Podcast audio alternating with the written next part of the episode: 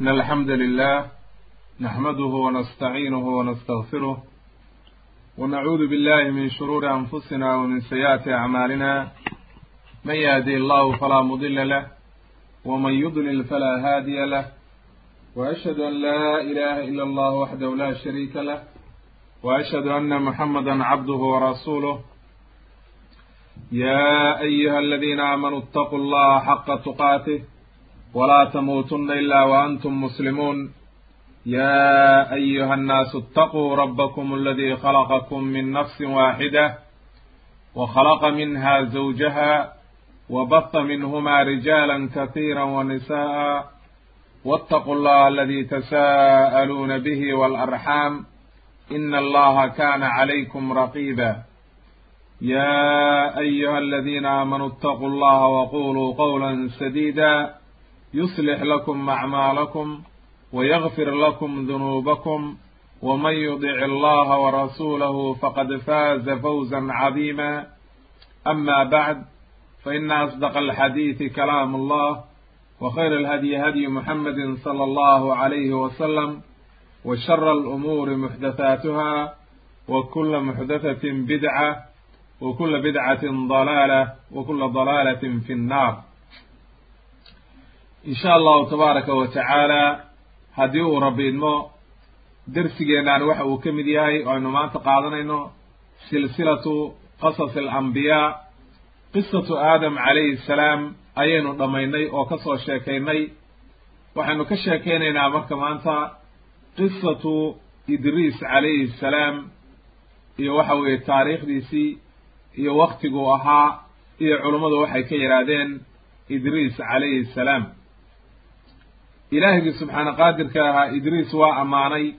Atna allahu caza wajalla calaa idriis calayhi salaam wawasafahu biاlnubuwati waasidiiqa wa rafci makaanatih faqaala subxaanahu wa tacaala wadkur fi lkitaabi idriisa inahu kana sidiiqa nabiya wa rafacnaahu makaanan caliya ilaahigii subxaana qaadirka ahaa waa ammaanay nebiyullaahi idriis waxa uu ku ammaanay inuu nebi ahaa ayuu ku sifeeyey.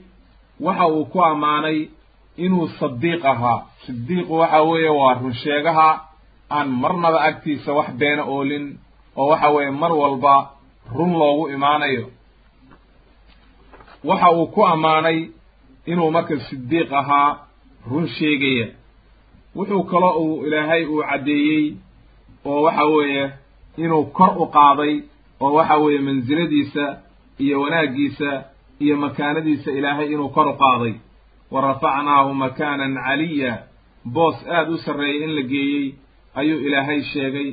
Marka dib bay inooga imaanaysaa qeybta dambe waxaa loola jeeda wa rafacnaahu makaanan caliya. Laakiin waxaynu horta halkaa ka qaadanaynaa inuu nebi ahaa oo waxa weeye nebiyada uu ka mid ahaa nebiyullaahi idriis leannahu ilaahay waxa uu yidhi innahu kaana sidiiqan nebiya waxa uu ahaa sidiiq runsheego ah oo aan been agtiisa oolin nebina ah oo ilaahay uu nebi ka dhigay oo min al ambiyaa inuu ahaa awalan marka tacriiftiisa ayaynu keenaynaa calayhi salaam qaala ibnu kathiir raximahullah waxa uu leeyahay waxaa loo yaqaanaa oo masalan ahlu kitaabka iyo waxay u yaqiineen akhnuuq wa huwa idriis calayhi salaam marka idriis ayaa la yidhaahdaa oo ilaahay ku magacaabay aabihii waxaa la odhan jiray baa la yidhi yaarada ibni mahlalil ayaa la odhan jiray baa la yidhi ibni qaynaan ibni anuusha ibni shiita. Shiitna waxaa dhalay baa la yidhi aadam calayhi salaam waxau leeyahay marka ibnu kathiir raximahullah magiciisa waa nooca idriis baa isaga la yidhaahdaa aabihiina waxaa la yidhahdaa yaadar yaarad. Awowgiisna mahlal il ayaa la yidhaahdaa awowgiisa kalena waxaa la yidhahdaa qiinaan. Awowga ku xigana waa anuusha. Anuushka markaa awowgiisa kale oo ku xiga markaa ayaa wuxuu yahay shiit. Shiitna marka waxaa la yidhi nebiyullaahi aadam wiilashiisii ayuu ka mid ahaa. Marka idriis calayhi salaam wax dhaf laba oo wax badan kama socdo aadam calayhi salaam. Leanno gebigiisaba waxa u dhexeeya aabihii iyo awowgiisa koowaad oo kiinaan oo kan labaada anuush oo kan saddexaada iyo waxa weeye shiit oo u dhalay.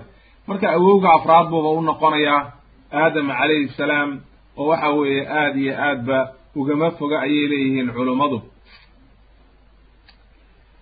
wa qaala ibnu kathiir fi qisati aadam fi aakhiri qisati aadam calayhi salaam waxa uu ku yidhi falamaa maata aadamu calayhi salaam.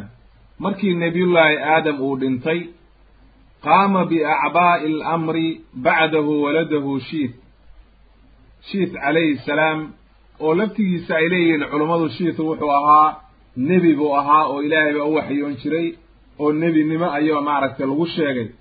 Marka shiit calayhi salaam ayaa mas'uuliyaddii odaga qaaday baa layidhi oo waxa weeye la wareegay mas'uuliyaddii odaga. Marka carruurtii uguma uu waaweynayn oo leanna waxa weeye qaabiil baa ka weynaa oo waxaynu soo sheegnay qisatu aadam calayhi salaam marka aynu aakhirkeeda ka hadlaynay inuu ilmihii nebiyullaahi aadam uu ugu weynaa qaabiil. Marka waxa weeye shiit calayhi salaam waxaa leeyahay nebi buu ahaa isaga laftigiisu ilaahay baa u waxyoon jiray. Marka waxa weeye mas'uuliyaddii odaga oo waxa weeye abuna aadam calayhi salaam waxaa la wareegay bay leeyihiin culammadu shiit calayhi salaam. Falamaa jaa'at wafaatuhu markay geeridii u timid oo waxa weeye uu shiitna uu dhimanayey ayuu awsaa ilaa ibnihi anuusha wuxuu u dardaarmay bay yidhaahdeen mas'uuliyaddii iyo waxa weeye inuu mas'uuliyaddii qaado wiilkiisii la odhan jiray anuush wiilka ayuu u dardaarmay baa la yidhi oo uu dhalay oo waxa weeye waa ninka awowga labaad u noqonaya awowga saddexaad u noqonaya ee idriis calayhi salaam. Fa qaama bilamri arrintii ayuu istaagay oo waxa weeye markaas isaguna la wareegay oo waxa weeye aabbihii kala wareegay. Iyo cidda mas'uuliyaddeedii iyo hoggaankii iyo masiirkii reerka iyo dadkii awlaaddii markaa joogtay oo nabiyullaahi aadam oo waxa weeye awlaad badan ahayd ayuu markaa la wareegay bali uma bacdahu markaa kabacdi markii uu dhimanayey ayuu isaguna waxaa kala wareegay baa la yidhi mas'uuliyaddii kiinaana oo waa awowga labaad oo waxa weeye idriis calayhi salaam. Uma markaa kabacdi ayaa waxaa isagana kala sii wareegay baa layihi wiilkiisii oo ninka la yidhaahdo weeye ku magacaaban mahlal iil. Wa huwa aladii yazcumu buu yidhi ibnu kathiir alcaajim. Acaajimta nimanka la yidhaahdo furuska iyo waxay leeyihiin wuxuu ahaa nin boqora oo waxa weeye aad iyo aad adduunkao dhan u hantay ayuu ahaa baa la yidhi ninkaas la yidhahdo mahlal iil. Meel walba ayuu tegey baa la yidhi oo nin aad iyo aad cajiib u ahaa baa la yidhi. Waxay leeyihiin waa ninkii ugu horreeyey oo geedaha in la gooyo bilaabay dhisayna almadaa'ina waalxusuuna alkibaar dhufaysyada iyo meelaha la galo oo waaweyna ninkii bilaabay weeye bay yidhaahdeen. Ninkaa la yidhahdo mahlal iil waxay kaloo yidhaahdeen bay yidhaahdeen waa ninkii bilaabay magaalada la yidhahdo baabil iyo midda la yidhaahdo afsuus al aqsa magaalooyinkaa ninkii bilaabay weeye ayay leeyihiin mahlal iil. Mahlal iilku marka waa awowgii nebiyullaahi idriis calayhi salaam ayay taariikhda ku keenayaan. Wuxuu yidhi marka ibnu kathiir waxay yidhaahdeen waa ninkii ibliis iyo shayaadiinta ayuu aad ula dagaalamay baa la yidhi oo ka cayriyey oo waxa weeye dhulkao dhan ka cayriyey ilaa uu buuraha saaray oo bulu-aadmigii ka dhex saaray ayay leeyihiin. Taaj weyn ayuu lahaabay dhaheen oo waxa weeye taajka waxa la yaha baalkan boqorada iyo ay qaataan oo waxa weeye ay madaxa saarsadaan oo oo tusaya maaragtay boqortooyada. Waxay leeyihiin markaa ibnu kathiir waxa uu leeyahay wuxuu ahaa nin dadka u khudbeeya oo aad iyo aad codkar u ah ninkaa la yidhahda mahlal iil. Falamaa maata marka markii uu dhintay marka oo uu dhimanayey ayaa markaa arrintii waxaa kala wareegay waladahu yaarad waa nebiyullaahi idriis aabihii ayuu maaragtay ibnu kathiir leeyahay. Waxaa la wareegay marka ninkaa la yidhaahda yaarad ayaa arrintii la wareegay. Oo waxay soo gaadhay silsiladii say u soo socotay idriis aabihii ayay soo gaartay calayhi salaam falamaa xadarathu lwafaat markii aabbihiina ay soo xaadirtay geeridii awsaa ayuu dardaarmay marka oo wuxuu u dardaarmay marka ibnahu oo waxa weeye waa idriis calayhi salaam ayuu u dardaarmay. laakiin iyagu ahlu taariikhu waxay ku magacaabaan akhnuuqa laakiin magaciisa rasmiga waa idriis oo luuqadda carabiga ilaahay baa ku magacaabay. sida mashhuurkaa waa noocaa marka nabiyullaahi idriis calayhi salaam saas ayay silsiladdu u soo socotay ayuu leeyahay ibnu kathiir oo waxa weeye uusoo sharaxayaa oo u soo kala saarayaa inuu waxa weeye shiit uu kala wareegay aadam arrintii kabacdi markaa wiilkiisii baa kala wareegay kabacdi waa soo socotay ilaa mahlal iil ay u timid. Mahlal iilna waxaa kala wareegay yaarad oo waxa weeye ah idriis aabihii idriis aabihiina waxaa kala wareegay idriis calayhi salaam oo mas'uuliyaddii iyo waxa weeye odaynimadii iyo boqortooyadii la wareegay oo markaa nebi ilaahayna ahaa oo ilaahay u waxyoon jiray. Wuxuu leeyahy ibnu kathiir raximahullah ilaahay aad buu u ammaanay nebiyullaahi idriis. Wuxuu ku magacaabay inuu nebi yahay inuu run sheego ahaa. Wa huwa akhnuuqa buu yidhi. Waana isaga weeye waxa uuna tegayaabay dhaheen wuxuu leeyahay ibnu kathiir wa huwa fii cumuudi nasabi rasuuli illahi sala allahu alayhi wasalam calaa maa dakarahu gayru waaxidi min alculamaa culamo badan ayaa waxay sheegeen siduu nebigu u socday calayhi salaatu wasalaam abtiriskiisa markii la tiriyey inay geliyeen nebiyullaahi idriis calayhi salaam nebi maxamed baa laga hadlaya. Nebi maxamed abtiriskiisa sida loo wada bay dhaheen. Oo uu sii socdo markuu nebiyullaahi ibraahim dhaafo nebiyullaahi nuux dhaafo nebiyullaahi idriis ayuu tegayaa bay dhaheen kabacdina shiit buu tegayaa. Shiitna hadde nebi aadam baa dhalay calayhi salaam. Marka ilaa intaasay gaarsiiyeen nebiga abtiriskiisa oo waxa weeye saasay culammada qaar u sharaxeen laakiin intaasoo dhan waxay u baahan tahay deliil oo waxa weeye waa taariikhe wax deliila oo waxa weeye saxiixa oo waxa weeye inuu maaragtay arrintu ay saa tahay ku sugnaaday lama hayo wey waxay yidhaahdeen wa kaana awala bani aadam ucdiya annubuwata bacda aadam wa shiith calayhim assalaam. Waxaa la leeyahay oo ibnu kathiir uu soo guurinayaa waxaa la yidhi waa nebigii ugu horreeyey oo nebi aadam iyo shiith ka bacdi bilo-aadmiga qofkii ugu horreeyey oo ilaahay u waxyoodoo nebinimo na siiyey ayuu ahaabay dhaheen nebiyullaahi idriis calayhi salaam. Leanna waxa weeye nebi aadam waa macruuf oo nebi buu ahaa oo ilaahay baa u waxyooday la hadlay. Nebi idriis ninka la yidhaahdo shiitna calayhi salaam isagana nebi buu ahaa baa la yidhi oo ilaahay baa u waxyooday laakiin lama soo guurin kitaabka iyo sunnahana kuma sugnaanin. Laakiin ahlu taariikh ayaa waxay leeyihiin wuxuu ahaa nebi. Marka laakiin waxaa la leeyahay nebiyullaahi idriis inta lagu hayo kutubka qur'aanka ama waxa weeye sunnaha nebiyullaahi idriis ayaa nebiyadii ugu horreeya markaa kabacdi aadam iyo shiif isaga ayaa ku soo xiga oo nebiyullaahi nuux wuu ka horreeya. Laakiin nebi nebinimadiibuu ugu horreeyaaye rasuul markay noqoto la diray oo dadka loo diray waxa ugu horreeya ninka laha nebiyullaahi nuux calayhi salaam sida inoo imaan doonto. Marka nebi iyo rasuulna way kala duwan yihiin oo waxa weeye culummadu waxay yidhahdaan kullu rasuulin nebiyun walaysa kullu nebiyin rasuula. Macnaha nebi kasta ee rasuul kasta oo ilaahay uu risaalo siiyey oo dacwo u diray rasuulna waa yahay nebina waa yahay. Leanno nebinimadu waxa weeye ay waa qofkii loo waxyoodo wey rasuulkana waa ninka loo diro dacwo iyo dad inuu gaarsiiyo iyo jihaad iyo waxa weeye inuu maaragtay tabliiqu dacwa. Laakiin waxyigu waa ka duwan yahay oo waxaa dhici karta inta loo waxyoodo inaan markaa rasuul laga dhigin. Waxay yidhahdeen marka oo culummadu ay keenayaan inuu ahaa nebigii ugu horreeyey oo bacda aadam iyo shiid ka bacdi inuu isagu ugu horreeyey. Wa dakara ibnu isxaaq annahu awalu man khada bilqalam. Qofkii ugu horreeyey oo qalam wax ku qoray ayuu ahaa baa la yidhi. Waxay kaloo leeyihiin waqad adraka min xayaati aadam talaata mi'ati wa thamaani sana siniin waxay kaloo leeyihiin oo ibnu kathiir uu keenayaa sida uu ibnu isxaaq uu keenay. waxay leeyihiin wuxuu soo gaaray xayaatadii iyo noloshii nebiyullaahi aadam calayhi salaam leanna waxaynu nidhi markaynu qisatu aadam aakhirkeeda ka hadlaynay waxay ahlu taariikhu sheegeen in nebiyullaahi aadam markii uu dhimanayey uu duriyadiisii iyo intay sii dhaleen iyo awlaaddii u awooga u ahaa iyo waxay sii dhaleen ilaa afar boqol oo kun oo qof inuu arkay. Marka cimriguna waa dheeraa oo dadka cimri dheer bay noolaanayeen kun sanana waa noolaa. Marka waxaa dhici karta inuu soo gaaray waa wax suurtagal ah laakiin wax daliila oo xadiid iyo aayad aan ku qadcinno oon dhahno wuu soo gaaray ma hayno. Laakiin waxa weeye waa kalaam culumo.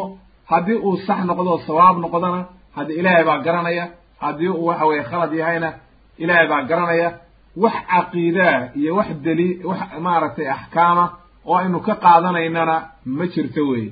Leanna waxa weeye wax inooga sugan oo inooga xiran ma jirto xilligii uu maaragtay hadduu soo gaaray nabiyullaahi aadam iyo hadduuna soo gaarin midna waxa weeye kama sugnaanayso wax xukun sharciya wuxuu yidhi waqad qaala daa'ifatu min annaas culummada qaar ka mida waxa ay yidhaahdeen ayuu ibnu kathiir leeyahay inahu idriis calayhi salaam waxa weeye almushaaru ila ilayhi fi xadiidi mucaawiyata bni xakam asulami xadiid baa jira mucaawiyata bni xakam asulami uu nebiga la weydiiyey oo can ilkhadi biramli ayaa la weydiiyey waa faalka. Markii dhulka wax lagu qorqorayo oo laga faalfaalinayo ayaa la weydiiyey nebiga calayhi salaatu wassalaam markaasuu nebigu waxa uu yidhi innahu kaana nabiyun yakhudu bihi. Waxaa jiray nebi dhulka wax ku xariiqi jiray oo markaa halkaa ka ogaan jiray waxyiga oo waxa weeye ilaahay mucjiso uga dhigay. Ayaa jiray buu yidhi faman waafaqa khatuhu fadaaka. Qofkii ay maaragtay marka waxaan uu faalinayo qofkii ay waafaqdo nebigaa sidii uu samayn jiray hadda markaa waxa weeye waa waa sidaasuu taasuu leeyahay oo waa suurtagal inay wixii sax noqdaan. Hadda laakiin marka xadiidku waa xadiis saxiixa oo imaamu muslim baa weriyey laakiin waxaan marna suurtagal ahayn qof maanta jooga oo khuraafaad samaynaya inuu waafaqo nebi nebi idriis calayhi salaam. Matalan haddii ilaahay mucjiso u siiyey ma waafaqi karo. Leanna waxa weeye dhulka oo la xariiqo qof wax ku ogaan kara ma jiro ilaa waxyi min allah mooye. Marka nebi idriis waa loo waxyoonayey ee isagu min cindi nafsihi kama uu ogaanaynin. Marka waxay leeyihiin culummadu nebiga loo jeedo oo nebigu uu le nebi maxamed alayh salatu salaam uu yidhi innahu kaana nabiyun yakhudu bihi. Waa nebi idriis baa loo jeedaa oo ahlu taariikhu waxay leeyihiin nebi idriis ayaa arrintaas mucjiso u ahayd oo waxa weeye ilaahay uu siiyey oo noocaa samayn jiray markii wax la weydiiyo ama arrin uu samaynayo dhulkuu xarxariiqi jiray dee hab ilaahay u baray markaasuu ogaan jiray wax alla wixii maaragtay markaas halkaa waxyi min allah ilaahay maaragtay tusi jiray oo markaa waxa weeye saas uu u ogaan jiray ayay leeyihiin maaragtay culummadu waxa uu yidhi marka ibnu kathiir raximahullah wayazcamu kathiiru min min culamaa'i atafsiri waalaxkaam annahu awalu man takallama fi dalika waxay leeyihiin buu yidhi culummadu zacama kelimadda la yidhaahdo luuqadda carabiga marna waxaa loo isticmaalaa waxay sheegeen ee ma aha inay mar walba tahay been laakiin asalkeedu luuqadda carabiga waxaa lagu yidhaahdaa qofku markuu iska sheegto wax uuna garanaynin oo uuna deliil u haysan oo uu ku been hawaasayo ayaa la yidhaha hebel wuu iska sheegtay waxaa ee wax saxa ma aha laakiin marka loola jeedo kalaamka culummada zacama waxaa laga wadaa ee waxay sheegeen oo yidhaahdeen culummada qeyb ka mid ah tafaasiirta culummada tafsiirka iyo axkaamta fiqiga ahlu fiqigu. Waxay yidhaahdeen qofkii ugu horreeyey oo waxa weeye waxaa faalka a sameeyey wuxuu ahaa nabiyullaahi idriis oo isaga ayaa laga soo gaaray. Laakiin waxyi min allaahi bay ahayde ma ahayn waxaan hadda ay khuraafaadka ku sameeyaan oo aleelaha ay ridayaan ama mid intuu dhul xarxariiqo oo ciyaar suuqa odhanaya oo caasiya ilaahay ba caasiyaya odhanaya cilmi geyb baan sheegayaa wax ka jira ma jiraan. Mana waafaqayso oo waxa weeye ma waafaqayso nabiyullaahi idriis haddii noocaa la siiyey.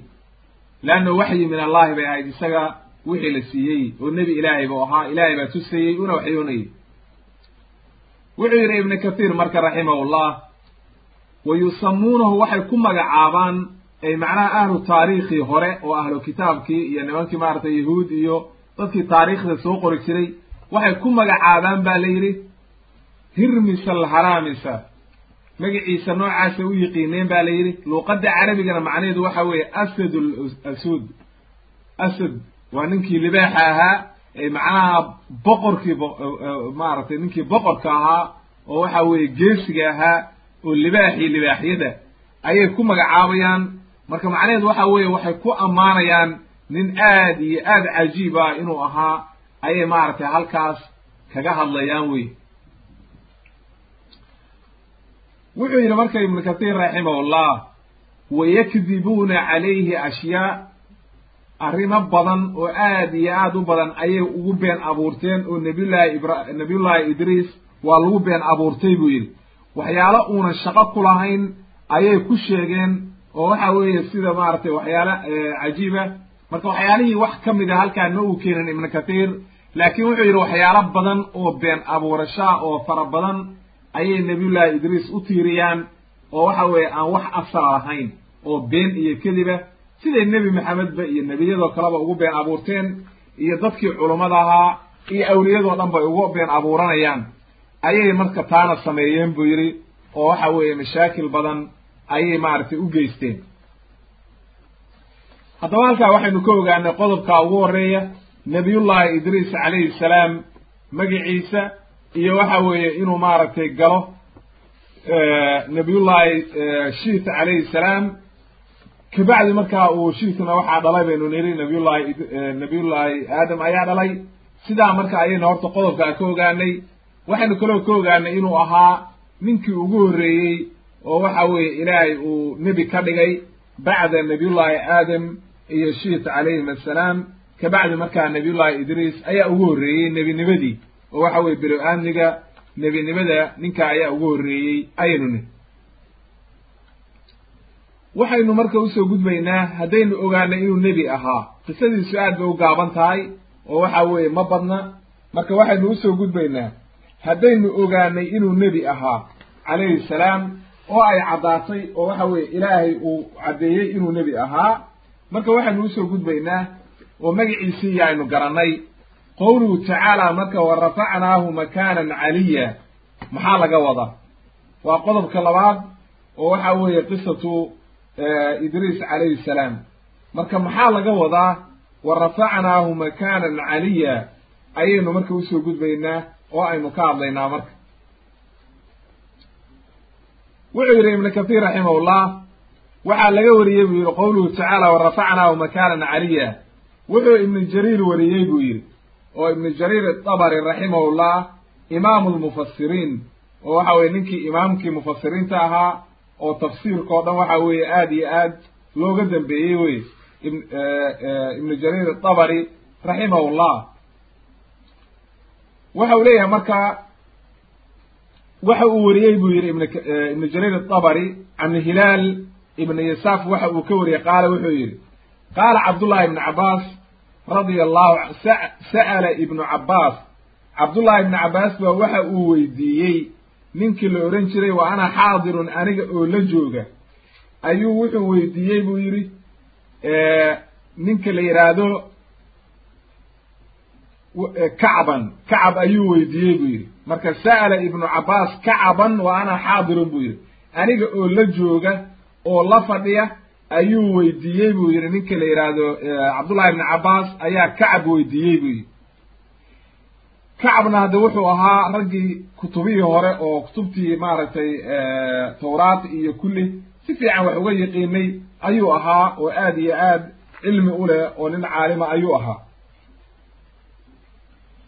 Waxa uu yidhi markaa markuu weydiiyey oo wuxuu weydiiyey qowluhu tacaala waxa uu ku yidhi faqaala lahu wuxuu ku yidhi ma qowlu llahi tacaala liidriis wa rafacnaahu makaanan caliya macnaheedu muxuu yahay macnaha laga wado oo waxa weye ilaahay maadaama uu yidhi wa rafacnaahu makaanan caliya maxaa laga wadaa buu yidhi waxa uu yidhi markaa kacab baa hadlo waxa uu ku yidhi waxaa laga wadaa buu yidhi amaa idriis fa ina allaha awxaa ilayhi nebiyullaahi idriis ilaahay baa u waxyooday oo nebi buu ahaa ilaahay baa wuxuu u waxyoodo waxa uu yidhi innii arfacu laka waxa aan maaragtay kor kuu qaadayaa maalin walba maalin walba dadka bilow aamniga oo jooga oo dhan waxa ay camal sameeyaan ayaan maalin walba kor kuu qaadaya.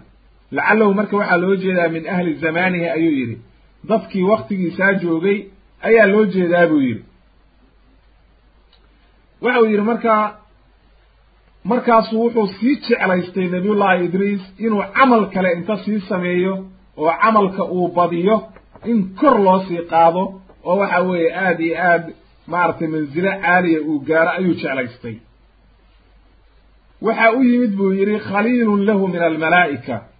Malaa'igta nin meleg ka mid ah oo u imaan jiray oo waxa weeye saaxiib la ahaa oo waxa weeye u imaan jiray ayaa u yimid. Fa qaala wuxuu yidhi ina allaha awxaa ilaya kada wa kada ilaahay baa ii waxyooday oo saa iyo saasaa la ii waxyooday. In maalin walba kor la ii qaadayo camalkayga oo waxa weeye bilo-aamigu camalka ay sameeyaan oo dhan oo kale maalin walba in kor la ii qaadayo oo waxa weeye derajo sare ilaahay i gaarsiinayo. Malakamowdka la hadal buu yidhi marka bal waktigaygii in dib la iisii dhigo oo waxa weeye aan camalka sii badiyo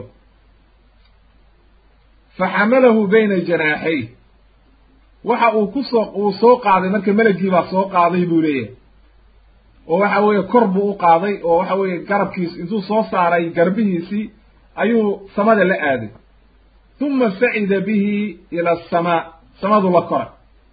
falama kaana fi samaa'i araabica samada afraad markuu melagii la marayey oo nabiyullaahi idriis uu sido ayaa talaqaahu waxaa la kulmay buu yidhi malakulmowt munxadiran malakulmowtkii oo soo degaya oo u soo socda nabiyullaahi idriis inuu nafta ka qabto ayaa samada afraad kula kulmay buu yidhi. Fa kallama wuu la hadlay markaa waxa uu ku yidhi nabiyullaahi idriis ayaa saa yidhi waxaan doonaynaa markaa in wakti loogu sii daro oo waxa weye markaa uu camalka sii badiyo. Markaasuu wuxuu ku yidhi wa ayna huwa ayna idriis xaggee buu joogaa. Markaasuu wuxuu ku yidhi huwa daa calaa dahri waa kan buu yidhi dhabarkayga saaran. Fa qaala malakulmowt yaa lilcajab buu yidhi. Arrintu waa arrin cajiiba buu yidhi. Buciftu waa laysoo diray bu ilaahay baa isoo diray wa qiila lii waxaa laygu yidhi iqbid ruuxa idriis fi samaa'i araabica samada afraad nabiyullaahi idriis nafta kaga qabo oo halkaa nafta kaga qabaa laygu yidhi buu yidhi waxaan isdhahayay buu yidhi marka see samada afraad aan nafta uga qabtaa isaga oo dhulka jooga. Faqabada ruuxahu hunaaka fadaaka qowlu llahi tacaala wa rafacnaahu makaanan caliya. Macnaheedu waa noocaas buu yidhi. Marka kacab waxa uu ku fasirayaa waxa uu leeyahay ibnu jariir ayaa weliyey oo waxa weye soo guurinaya ibnu kathiirna uu ka soo naqliyey. Wuxuu leeyahay marka qowluhu tacaala wa rafacnaahu makaanan caliya. Macnaheedu waxa weeye waa nooca oo waxaa laga wadaa in uu maaragtay nabiyullaahi idriis ilaahay uu samada afraad geeyey naftana uu kaga qabtay. Sidoo kale abubakr aljazaari wuxuu leeyahay fi samaa'i araabica ila asamaa'i araabica ayaa loo kor yeelay oo halkaa ayaa la geeyey ayuu leeyahay marka mufasiriintu waxay u badan yihiin warafacnaahu makaanan caliya ila asamaa'i araabica inay tahay oo samada afraad in la geeyey.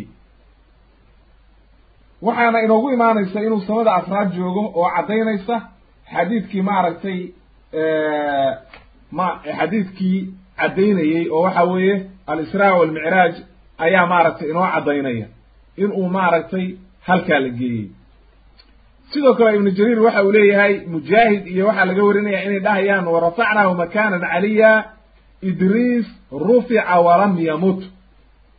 Kamaa rufica ciisa. Waxay culummada marka qaar ku fasirayaan ay leeyihiin nebiyullaahi idriis calayhi salaam kor baa loo qaaday ma dhimanin oo waxa weeye sidii nebiyullaahi ciisa kor loogu qaaday ayaa kor loo qaaday isagana marka ibnu kathiir waxa uu leeyahay halkaa marka uu tacliiqinayo haddii muraadka uu yahay ma dhimanin ilaa iyo hadda arrintaa wax suurtagala maaha laakiin waxaa dhici karta macnuhu inuu iswaafaqayo markii la yidhaahdo rufica xayan ila asamaa'i araabica uma qubida hunaak arrintaa markaa aqwaashii culummadu markaa way iswaafaqayaan markii saa loo fasiro. Marka calaa kulli xaal aathaartaas ayaa ku sugnaatay oo saxaabadii ay saa u fasireen laakiin waxa weeye aayad ku sugnaatay iyo xadiid ku sugnaaday midna ma jiro. Marka waxa weeye macnahaas ay culummadu ku fasireen ayaa maaragtay ugu raajaxsan oo ah in kor loo qaaday kabacdina uu xaggaa samada ilaahay uu nafta kaga qabtay. Ama qowluhu warafacnaahu makanan caliya waynu sharaxnay laakiin ma macnaha ah maaragtay inahu kana sidiiqan nabiya sidiiqan macnaheeda marka ay fasirayaan culummadu waa qofka waxay yidhahdeen ay kathiiru sidqi mubaala mubaalaqan fiihi. Xataa inahu lam yajuz calaa lisaanihi kadibun qad weligii been ma sheegin ba lay ay macnaha sidiiqan waa mubaalaqa oo waxa weeye markii qofka aad iyo aad loo leeyahay macnaha weligii been ma sheegin weye qowlna kama been sheegin camalna kama been sheegin leanna wuxuu ahaa nebi oo waxa weeye min min ambiyaa illaahi ayuu ahaa ayuu maaragtay culummadu leeyihi marka saa ayaa laga wadaa qowluhu tacaala maaragtay wa kana sidiiqan nabiya. Marka halkaa waxaa inooga caddaatay nabiyullaahi idriis calayhi salaam in ilaahay uu kor u qaaday makaan sarena uu geeyey samada afraadna la geeyey ayaa halkaa inooga caddaatay. Sida axaadiista inoo keeni doonto inoo caddayn doonta inuu samada afraad joogana waa inoo caddaanaysaa. Waxaynu keenaynaa markaa qodobka ku xiga oo saddexaad waxa weeye makaanu idriis calayhi salaam fi samaa. Booskee buu ka joogaa samada nabiyullaahi idriis leanna waxaynu niri nebiyadii oo dhan ambiyadii nebigu calayhi salaatu wassalaam nebiye badan buu sheegay oo samada uu kula kulmay habeenkii al-israa waalmicraaj xadiidkii anas radia allahu canhu wa waxa uu yidhi nebigu waxa uu yidhi huma sucida bi xataa ata asamaa'i araabica jibriil ayaa ila koray buu yidhi samada ilaa iyo waxa weeye samada afraad aanu tagnay markaasuu dalbay in la furo markaasaa waxaa lagu yidhi waa kuma. Markaasuu wuxuu yidhi jibriil. Markaasaa la yidhi yaa kula socda. Markaasuu yidhi maxamed. Markaasaa la yidhi miyaa loo cidiray markaasuu yidhi haa. Kabacdi markaa ayay waxay ku yidhahdeen marxaban bihi fa nicma almajii'u jaa. Soo dhowow baa la yidhi nicmo ayaad yeelatay oo waxa weye waxaa nicmo badnaaday kan yimid oo waxa weeye maanta yimid ayaa nicmo badan wey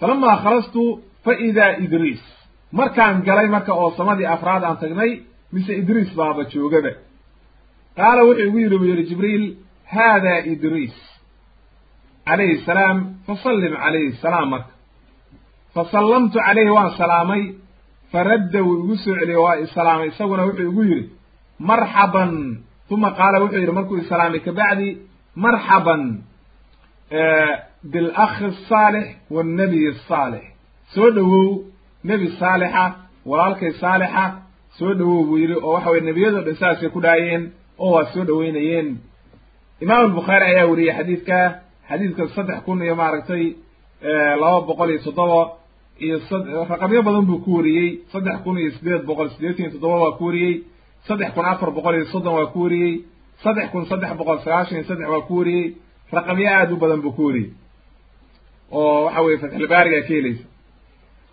muslimna waa wariyey boqol iyo lixdan iyo afar imaamu tirmidi waa wariyey nisaa-i waa wariyey axmed waa wariyey waa xadiis saxiixa marka oo waxa weeye sugan wey wa fii riwaayati riwaayad kale waxay ahayd oo anas ibnu malik radi allahu canhu laga warinayo nebigu inuu yidhi markii aan galay bisamaa raabica ataytu calaa idriis fi samaa'i araabica waxaan idriis ugu imid samada afraad ayaan idriis ku arkay oan ugu tegay ayuu yidhi imaamu albukhaari iyo muslim iyo tirmidi ayaa weriyey oo waa xadiis saxiixa halkaa marka waxaa inooga caddaatay nabiyullaahi idriis calayhi salaam in uu booskiisa iyo makaanka uu joogo oo waxa weeye nebigu uu kula kulmay inay tahay assamaa araabica samada afraad inay tahay ayaa halkaa inooga caddaatay marka.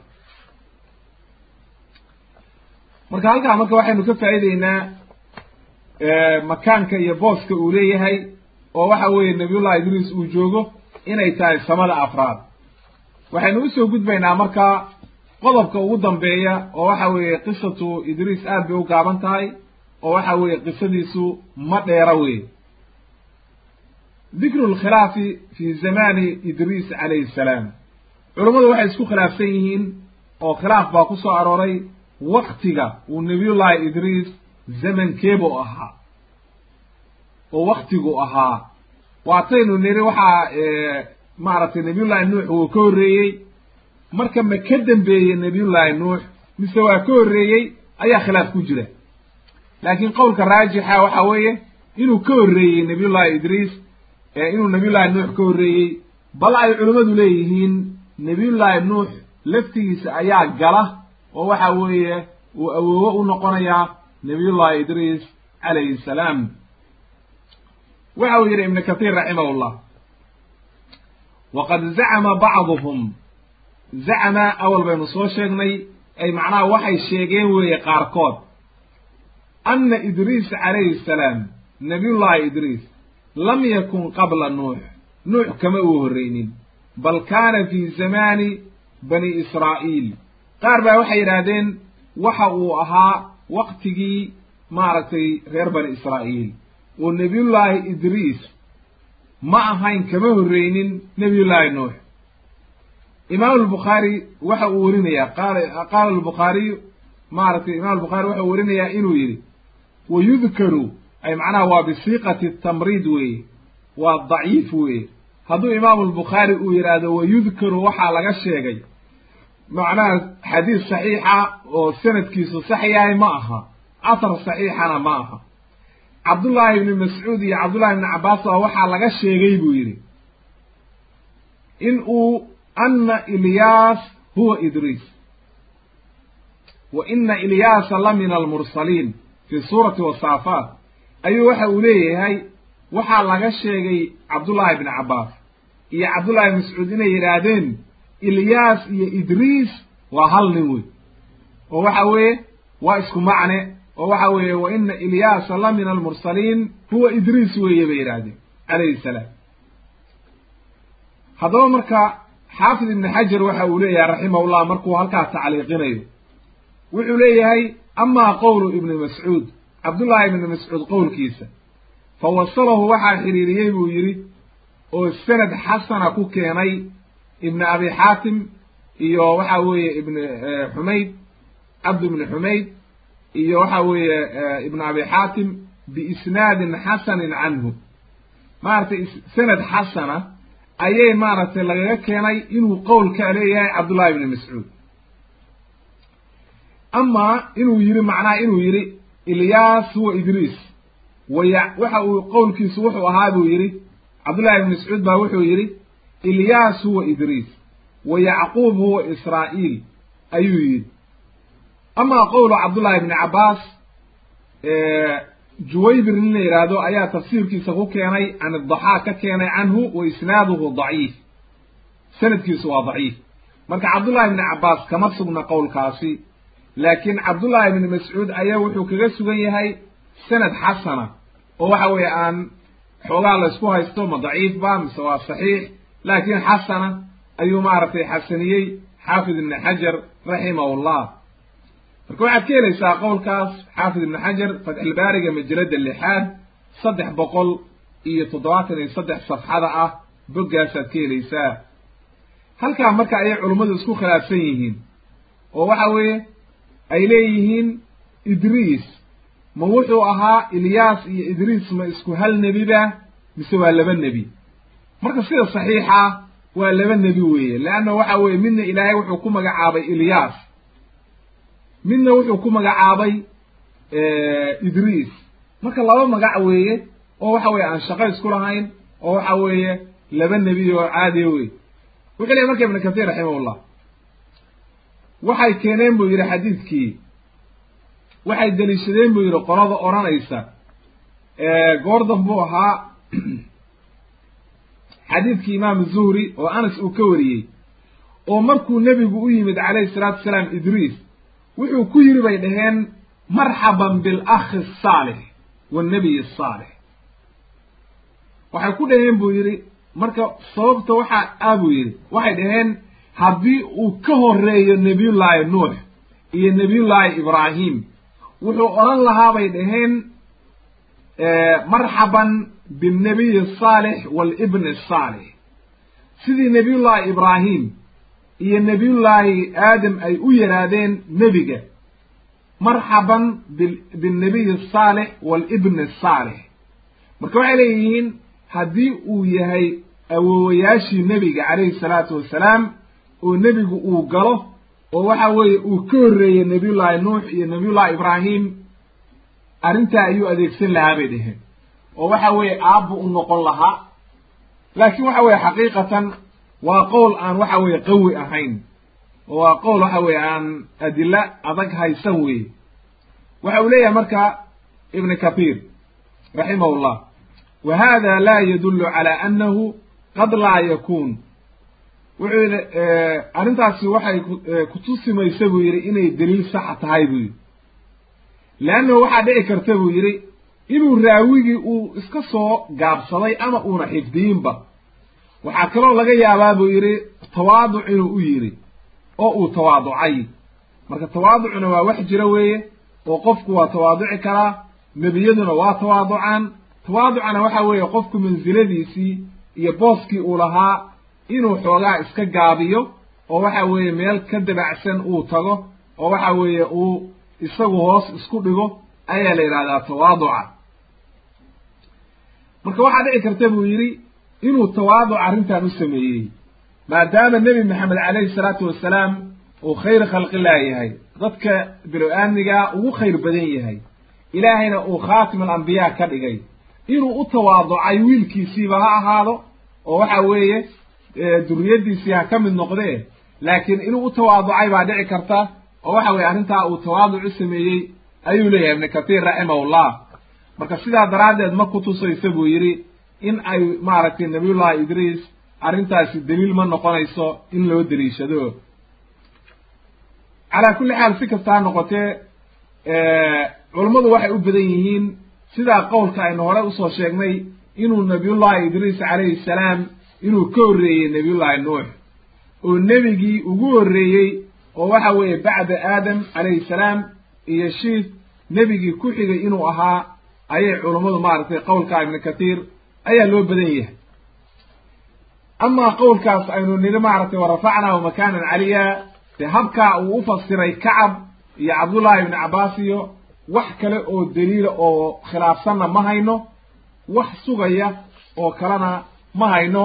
Marka waxa weeye saasay culummadu tafsiirka u keenaan oo waxay yidhahdaan warafacnaahu makaanan caliya ee ilaahay baa wuxuu u kor qaaday oo korgeeyey samada afraad marka way sugan tahay baynu nidhi in samada afraad la geeyey oo waxa weeye samada afraad inuu joogo leannahu nebi maxamed baa calayhi salaatu wasalaam kula kulmay oo samada afraad ayuu maaragtay ku soo dhoweeyey oo ku salaamay oo ay ku wada kulmeen.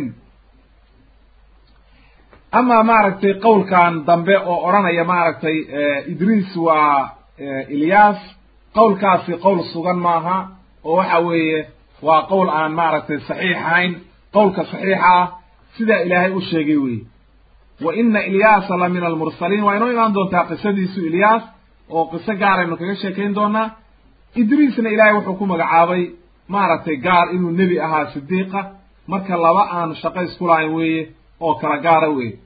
Qisatu idriis calayhi salaam intaa ayay ku eg tahay waa qiso aada u gaaban oo waxa weeye aayaddaa unbuu ilaahay kaga hadlay iyo waxa weeye aathaartaas ku sugnaatay iyo culummada laakiin wax daliila oo kale oo idriis qur'aanka halkaasay kaga soo aroortay intaa unbay maaragtay qisadiisu ku eg tahay waxaynu ka faa'iideynaa marka oo qisadiisa aynu ka faa'iidaysanaynaa inuu nabiyullaahi idriis awalan inuu ahaa min alambiyaa oo nebiyada ilaahay inuu ka mid ahaa.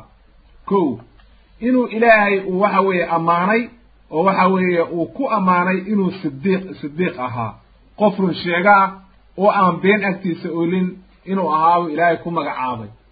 Waxaynu kaloo ka faa'iideynaa inuu ilaahay kor u qaaday. Marka kor qaadidaasi laba noocba waa noqon kartaa in sidii nebiyullaahi ciisa kor loo qaaday oo waxa weeye uuba dhibanba.